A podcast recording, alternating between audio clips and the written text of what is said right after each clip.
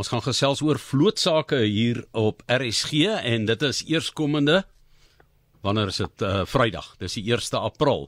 Dan sal die vloot 100 jaar oud wees. En ons het hulle laas gesels met professor Andrei Wessel, senior professor um emeritus en navorsingsgenoot by die departement geskiedenis aan die Universiteit van die Vrystaat en die Tweede Wêreldoorlog en die Grensoorlog het ter sprake gekom en ons het onwillekeurig gewonder wat was die rol van die vloot want ek dink veral um, met die grensoorlog sien mense dit as die grense eintlik van die binneland en uh, die ehm um, stryd wat daar geheers het. So kom ons gaan eers professor na die ja. Eerste Wêreldoorlog toe. Ehm um, jy het laas vir ons gesê dat op die voorhand van die Tweede Wêreldoorlog, né, Suid-Afrika ja. vir alle praktiese doeleindes oor geen vloot beskik het nie, maar tog het Suid-Afrikaners 'n klein dog belangrike rol gespeel ten opsigte van die geallieerde oorlogpoging ter see. So ons luister graag, vertel vir ons meer van Suid-Afrika se rol ter see dan in die Tweede Wêreldoorlog.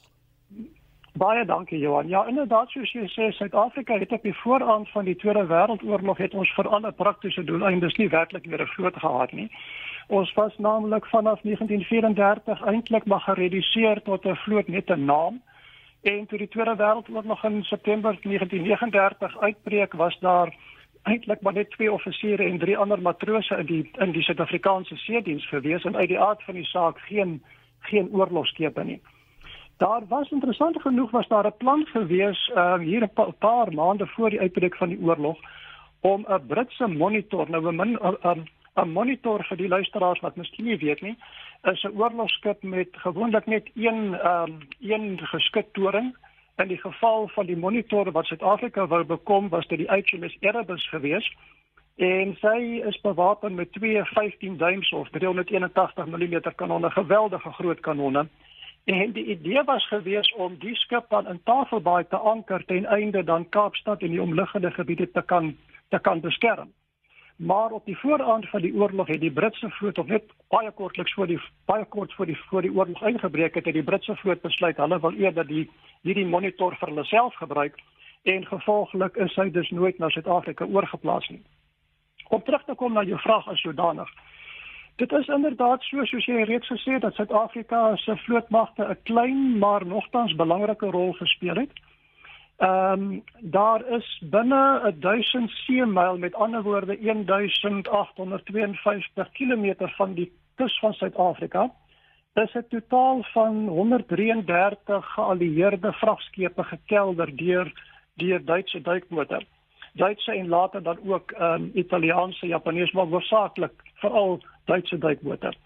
En as ek reg onthou is daai die, die totale tonnemaat van daardie skepe wat gesink is was meer as 750 000 ton. En die Suid-Afrikaanse seemagte saam met die Britse vloot was slegs in staat gewees om 3 van die Duitse duikbote te kelder. Maar die feit van die saak is hoewel 'n mens kan sê 133 skepe is 'n groot aantal, maar dit het nogtans nie beteken dat die geallieerde toevoerroetes om die Kaap afgesny is nie en was die geallieerdes deurgangs in staat gewees om voorrade vanaf Europa of vanaf die VSA na die Midde-Ooste om die Kaap te voer want die want die Suezkanaal was op daai stadium gesluit gewees. En toe die oorlog teen Japan in Desember 1941 uitbreek was die geallieerdes ook in staat gewees om nou ja redelik veilig voorrade en ook ongeveer 6 miljoen soldate is om Suid-Afrika se kus na die Midde-Ooste en ook na die Verre Ooste ehm um, vervoer. Ek, ek ek weet nie of ek nou iets moet sê rondom die rondom die veranderinge wat daar in die name plaasgevind het van die van die vlootmagte en ook in terme van hulle rol in in ander dele van die wêreld. Ek dink net so uh, vinnig en kort, ons het nie so baie tyd en ek wil nog by die grensoorlog ook uitkom, maar ja. ek het net ou gedink as iemand dan vir jou sê in daardie stadium het ons net twee offisiere en drie matrose gehad dan kan jy ook nou nie veilig gaan slaap oor 'n groot vloot wat jou gaan beskerm nie, né? Nee, inderdaad, inderdaad is dit nie die geval nie, maar generaal Smuts was in staat gewees om binne enkele maande na die uitbreek van die oorlog nie net die Suid-Afrikaan, nie net die die ehm um, die Suid-Afrikaanse vlootmagte op te bou nie, maar inderdaad ook die die Unie verdedigingsmag. Hy het 'n ongelooflik belangrike rol gespeel sodat binne die binne 18 maande na na 2 jaar die Unie verdedigingsmag soos die meeste luisteraars waarskynlik weet in uh in in um, Abyssinie, die huidige Ethiopië, Eritrea en dan ook in die Midde-Ooste 'n groot rol te speel en dan met verloop van tyd ook in Noord-Afrika, Italië en ook in ander dele. Maar wat die ontrug te kom na die Suid-Afrikaanse vlootmagte, die die uh, Suid-Afrikaanse seediens is in 1939 reeds um, omskep in die in die verdedigingsmag ter see. In 1942 het die verdedigingsmag ter see en die Royal Navy Volunteer Reserve of South Africa saamgesmelt om die Suid-Afrikaanse seemagte te vorm. En hulle het ongeveer 65 klein walvisvaartuie, walvisjagters en visstreilers is in teenduikbootvaartuie en in mynveers omskep wat dan gebruik is om die Suid-Afrikaanse kuste maar inderdaad is van hierdie klein vaartuie ook in die Middellandse See ontplooi waar 'n belangrike rol gespeel het in die geallieerde oorlogspoging teen Duitsland en teen en teen Italië. In 1944 het die Suid-Afrikaanse seemag uh, as reg onthou 78 vaartuie gehad en meer as 8000 offisiere en matrose. Nou vergelyk dit net met die situasie op die vooraand van die oorlog. Dis ongelooflik. Twee offisiere en drie matrose. Dis nou wat mense ontwikkeling noem in 'n kort tydjie, maar die oorlog het dit natuurlik genoop ook. Maar ek wil hê ons moet net so 'n sprong maak na die ehm um, grensoorlog tydperk toe. Uh ja. hier in die 70er jare baie vel, eintlik begin hier in die 60er, 70, 80er jare as 'n mens uh, nou dink aan 'n uh, weet taamlike uitgebreide stryd tussen grondmagte wat ondersteun is deur vliegtuie en helikopters. Uh, die hele ding word daarmee geassosieer, maar ja. tog het die SA vloot ook 'n klein belangrike rol in die oorlog gespeel. So, ehm um, net so kortliks, wat het dit behels? Waar was die vloot in daardie tyd? Ja, ja. Dit is interessant dat met ander woorde presies 30 jaar na afloop van die van die Tweede Wêreldoorlog in 1945, 30 jaar later in 1975 het die Suid-Afrikaanse vloot dus vir die eerste keer weer operasioneel betrokke geraak by 'n militêre konflik. En die rol van die vloot was inderdaad klein, dit relatief gesproke klein as jy dit vergelyk met die feit dat die dat die oorlog tot 'n groot mate deur die landmagte ondersteun deur die Suid-Afrikaanse lugmag se vliegtuie en helikopters gevoer is. Maar die Suid-Afrikaanse vloot se se uh, nege missieldraande aanvalsvaartuie as ook hulle drie duikbote het 'n baie belangrike rol gespeel om die spesiale magte of of die rekkies soos hulle in algemeen bekend staan om hulle te vervoer by wyse van spreke tot tot agter die vyandelike linies waar hulle dan operasies van stapel geloop uh, uh, van stapel gestuur het in Angola insluitende in die enklave uh, Cabinda en ook in in Mosambiek.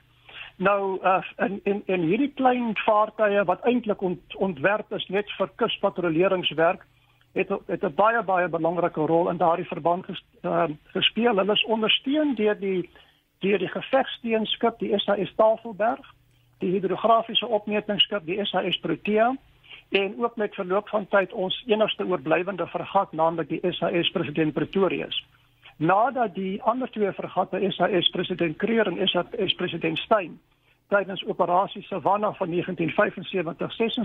wel patrouilleringswerk gedoen het en ook steun aan die landmagte verleen het veral toe daar 'n aantal Suid-Afrikaanse soldate opgepik moes word in Angola. Ehm um, en toe teruggebring moes word na die destydse Suidwes-Afrika en ook ook noord na Suid-Afrika. Nou hierdie hierdie optrede van ons vloot soos natuurlik ook die die rol van die leer in die lugmag uh is natuurlik in omstredenheid gehou. Kom ons wees eerlik daaromtrent. Maar ek kyk vanuit 'n suiwer militêr historiese oogpunt daarna.